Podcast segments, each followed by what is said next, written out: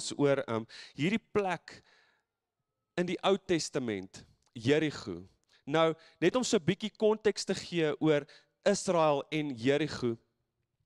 Israel kom nou net uit 40 jaar uit die woestyn uit. Die rede hoekom hulle vir 40 jaar moes rondloop in die woestyn is omdat um Moses het 'n klomp spioene uitgestuur in die beloofde land, net soos wat hulle uit Egipte uitgekom het. Hy stuur 'n klomp spioene uit en um om te gaan window shop, jy weet, hoe gaan die nuwe beloofde land lyk? Like, hoe nice gaan dit wees as ons nou daar intrek? Jy weet, hulle dep sal klaar huise en al daai dinge en um hulle hulle kom toe daaraan en van die spioene sê no ways. Moses, hierdie is 'n nagmerrie. Ons gaan dit nie maak nie. Daar's reuse daar. Ek meen die springkane lyk soos pitbulls. Um dit is gevaarlik, okay? En um ons gaan dit nie maak nie. So uit hierdie ongeloof, hierdie plek uit waar die Israeliete um nie vir God kon vertrou vir dit wat voor hulle lê in hulle beloofde land nie, moes hulle vir 40 jaar in die woestyn wandel en vir 40 jaar um het God hierdie tyd gebruik om hierdie slaafmentaliteit uit hulle uit te sterf. Om hierdie selfbejammering, hierdie ongeloof, um hierdie onvertroue in die Israeliete in hierdie generasie uit te sterf. En so staan 'n nuwe generasie op um in Joshua uh, en Caleb. Nou, my eerste punt wat ek graag wil maak is um woestyntye is voorbereiding. Woestyntye is voorbereiding. Nou, daar's 'n paar voorbeelde wat ons lees in die Bybel van mense wat deur woestyntye gegaan het. Dawid van die dag wat hy ingeseën is as die nuwe koning, het dit hom 22 jaar gevat voordat hy fisies op die troon gaan sit het. 22 jaar. Ek is 28 jaar oud. Ek kan nie imagine hoe moet dit wees om 22 jaar te wag vir 'n belofte wat jy weet God vir jou gegee het om in realiteit in te kom. Dawid moes vlug en hy het in die wildernis gebly en hy het vir 22 jaar het hy homself eintlik voorberei om koning te word. Jesus het vir 40 dae in die woestyn geloop. En dit was als voorbereiding vir sy publieke bediening, dit wat hy kom doen het um in die wêreld rondom hom en hoe hy vir mense genesing gebring het en mense bedien het. Woestyntye is voorbereiding. Nou ek wil graag vir julle hierdie volgende um skrifgedeelte lees in 1 Petrus 1 vers 6. In all this you greatly rejoice though now for a little while you may have had to suffer grief in all kinds of trials these have come so that the proven genuineness of your faith of greater worth than gold which, which perishes even through refined by fire may result in praise, glory and honor when Jesus Christ is revealed. So die woestyntye, die tye wanneer dit nie so lekker gaan nie, die tye waarvan Petrus hier praat, dit is 'n dis 'n oond waardeur ek gebak word, waardeur ek skoon gebrand word van al my gemors, al my my slaafmentaliteit, al my selfbejammering, my ongeloof. Dis voorbereiding vir dit wat God voor jou het. Nou, um baie belangrik. Hoekom Jerigo so belangrik is, so significant is, is Jerigo is die eerste stad wat die Israel wat Israel gefees het toe hulle nou net uit die 40 jaar uitkom. So hulle ongeloof is nou net uitgewis en hulle eerste uitdaging is die mure van Jerigo. Die mure van Jerigo. So ehm um, dis belangrik om te weet ehm um, Joshua en Caleb het toe verder baie ehm um, oorwinnings gehad, maar ehm um, in my voorbereiding bereiding lees ek hierdie gedeelte raak. Die storie van Jerigo is eintlik in Joshua 6, maar Joshua 5 net voor dit, um, wil ek graag vir julle hierdie um, gedeelte lees. En dit skryf dit die opskrif sê the fall of Jericho. Now when Je Joshua was near Jericho, he looked up and saw a man standing in front of him with a drawn sword in his hand. Joshua went up to him and asked, "Are you for us or for our enemies?" Neither, he replied, but as commander of the army of the Lord, I have now come. Then Joshua fell face down to the ground in reverence and asked him, What message does my Lord have for his servant? The commander of the Lord's army replied, Take off your sandals, for the place where you are standing is holy. And Joshua did so. Jo, hier is nou belangrik om te weet, hierdie is voordat enige iets gebeur. Hier is voordat um hulle met die trompette om die stad geloop het. Hier is voor enigiets fisies gebeur het. Gebruik God hierdie oomblik om vir Joshua te sê, "Ey, pos net gou 'n bietjie. Raak dit gou 'n bietjie rustig. Ek wil net 'n oomblik met jou hê. Skop uit jou skoene. Wees nou met my." My tweede punt is jou oorwinning is tyd saam met God. Um hierdie gedeelte waar um Joshua sy skoene uitskop en en hierdie plek waar hy is is heilige grond. Dit is herinner dit jou nie aan 'n ander gedeelte in die Bybel nie waar Moses by die brandende bos is waar God ook net 'n oomblik vat en sê, weet jy wat? Stop waarmee jy besig is.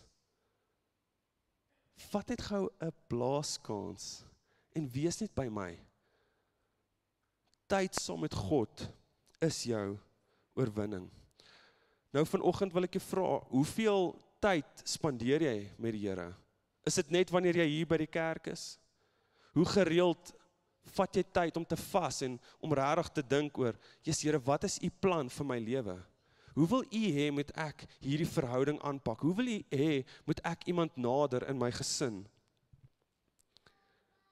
Maak jy tyd om jou skoene af te te skop en te sê, Here, ek moet by U uitkom. My derde punt is God gee die belofte. Jy moet hom net vertrou. Jy moet hom net vertrou. Dinge gaan nie altyd gaan volgens jou idee nie.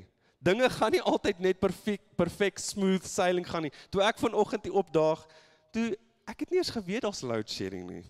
Wys net hoe vinnig dinge verander en dinge gaan nie altyd volgens jou planne gaan nie.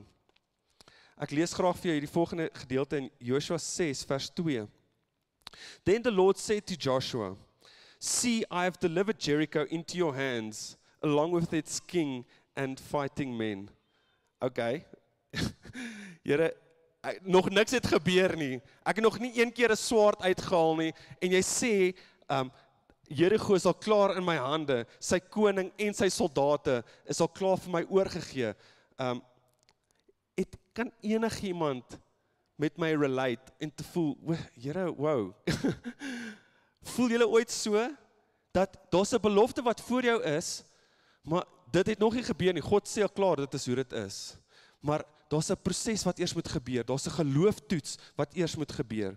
So in uh, die volgende gedeelte sê, march around the city once with all the armed men. Do this for 6 days and have seven priests carry trumpets of ram horns in front of the ark. On the seventh day, march around the city seven times with the priest blowing the trumpets. When you hear them sound a long blast on the trumpets, have the whole army give a loud shout. Then the wall of the city will collapse and the army will go up, everyone straight in. Okay, So dit klink eenvoudig, nê? Nee? God gee die instruksie, al wat die Israeliete moet doen, is hulle moet net luister. Hulle moet net step by step gaan. Ons loop om die dorp een keer. Toet toet toet. Okay, en dan volgende dag gebeur dit weer vir 6 dae tot aan met die 7de dag en dan gaan die mure val. Maar as jy hierso gaan lees, Joshua praat dan met die mense en hy gee nie heeltemal die regte instruksies oor nie. Ek lees graag vir jou uh, vers 6. Um so Joshua son of Nun called the priest and said to them, take up the ark of the covenant of the Lord and have seven priests carry the trumpets in front of it. And he ordered the army advance, march around the city with an armed guard going ahead of the ark of the Lord. But Joshua had commanded the army, do not give a war cry, do not raise your voice, do not say a word until the day I tell you to shout. Hoor julle daai gedeelte? Moet niks skree, moet niks doen nie till the day that I tell you to. Okay? Belangrik om hier raak te sien. Hy sê niks van 6 dae nie. Hy sê niks van 7 dae nie. Dis die instruksies wat hy gee. So he had the ark of the Lord carried around the city, circling it once. Then the army returned to camp and spent the night there. Nou doen jouself vergins en gaan lees hierdie hele gedeelte. Hierdie instruksie wat Joshua gee is die enigste instruksie wat hy met sy mense deel. Hier is al wat hy vir hulle sê. Nou, ek wil hê jy moet net so bietjie jouself verbeel hoe dit moes wees vir hierdie priesters en soldate. OK? Jy kom hier aan by die huis aan. Liefie, jy sal nie glo nie. Joshua het my gekies om saam met hom om die ark te loop. Môreoggend gaan ons vir die eerste keer stap. Dit gaan so amazing wees. Hierdie gaan 'n amazing moment wees en ek is gekies. En hulle gaan uit. Hulle sê dit het omtrent so uur gevat om om die stad te loop. Hy hulle loop om die stad, hulle mag niks sê nie. Hy kom terug by die huis. Sy vrou vra hom: "Liefie, wat het gebeur? Hoe was dit?" "Joh, liefie, ek weet nie wat om te sê nie. Niks het gebeur nie." En vir 6 dae lank, imagine, tweede dag, niks gebeur nie. En soldaat man moet terug gaan huis toe en hy het geen antwoorde nie. Derde dag, vierde dag, vyfde dag. Partykeer gaan dit nie gaan soos wat jy dink dit gaan gaan nie. Partykeer moet jy net 'n bietjie Here, ek weet nie wat om volgende te doen nie. Maar die laaste ding wat U vir my gesê het, was dit. U het my gesê ek moet vir my familie bid. U het vir my gesê ek moet dalk vas. U het vir my gesê ek moet dalk meer tyd met U spandeer. U het gesê ek moet bid vir verloores. Partykeer weet ons nie wat die volgende ding is nie. Maar dalk beteken dit dat jy die ding moet doen wat hy laaste vir jou gesê het. Amen. Wees faithful, vertrou hom. Nou, ek weet nie van jou nie. Ek ek is 'n persoon wat progress wil sien. Ek wil sien daar is vordering. Jy weet, die eerste dag, dit sou nou nice gewees het. Wie van julle het al Tetris gespeel? Tetris, nê? Nee? Nou, weet jy wat sou nice gewees het? As hulle die eerste dag om die stad se mure geloop het en dan as sodra dit gebeur, tot tot tot, dan val die eerste ry klippies af, nê? Nee? Dit sou cool gewees het. Maar dit gebeur nie. Want daar's 'n faith toets wat moet gebeur. Daar's 'n daar's 'n geloof toets wat moet gebeur. Nou ek lees vir jou verder in in vers 14. So on the second day they marched around the city and once and returned to the camp. They did this for six days. On the seventh day, they got up at daybreak and marched around the city seven times in the same manner, except on that day, they circled the city seven times. The seventh time around, when the priest sounded the trumpet blast, Joshua commanded the army Shout, for the Lord has given you the city.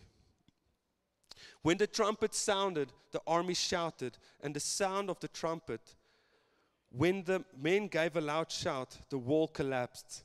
So everyone charged straight in, and they took the city. Almal van ons se toetse lyk like anders. Partykeer vat dit 7 dae. Partykeer vat dit 7 maande.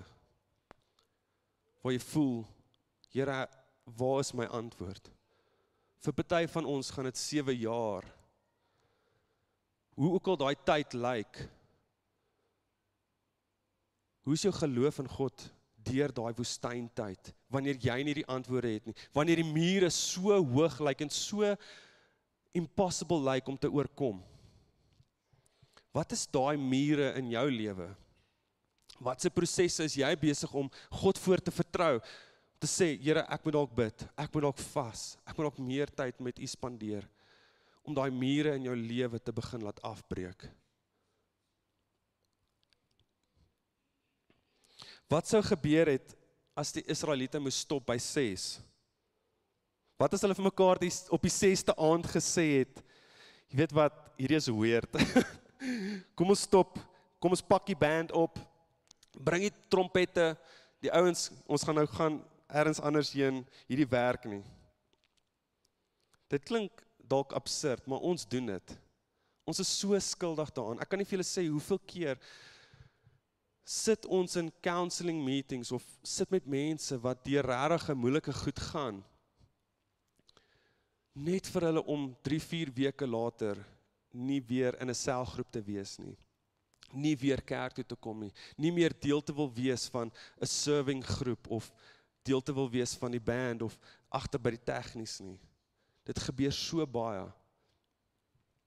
Ons gee te veel op op die 6ste dag. Vertrou God. Byt vas, dit gaan oukei okay wees. Ek herhaal graag my 3 punte. Vertrou die Here in jou woestyntye. Dit is jou voorbereiding. Al lyk dit dood en leeg rondom jou, vertrou hom. Hy's besig om jou voor te berei. Hy's besig om met jou op pad te stap. Hy wil ietsie groter vir jou hê.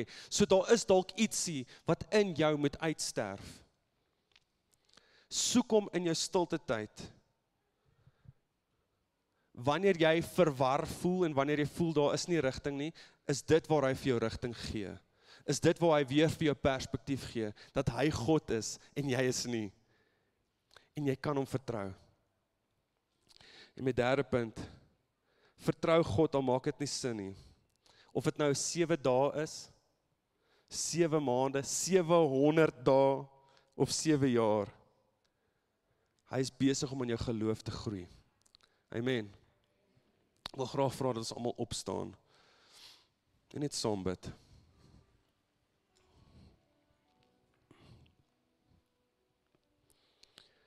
Sluit asseblief jou oë. As jy vanoggend hier sit en of jy staan en jy voel, joh, die laaste paar jaar was vir my 'n woestyntydperk gewees. Ek het ek het vasgebyt waar ek kon en en miskien het ek op kere nie soveel geloof gehad nie. Miskien het ek op kere nie soveel vertroue gehad nie. God wil vanoggend ietsie kom ignite in jou. Kom sê, weet jy wat? Ek gaan laat die trompette blaas en ek gaan laat die mure val en ek is besig om met jou op pad te stap. Ek gaan jou nie alleen los nie. I will never leave or forsake you. I'm with you always. As jy vanoggend op daai plek is, wil ek jou graag vra om jou hand op te steek en net te sê Here, hier is ek. Hier is ek in my gebrokenheid, hier is ek in in my ongeloof baie keer, hier is ek en en Here, ek wil net U vertrou.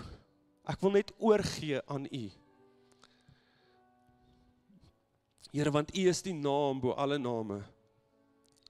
U is die koning van alle konings, Here en en voor u gaan elke knie buig en elke tong getuig dat u God is.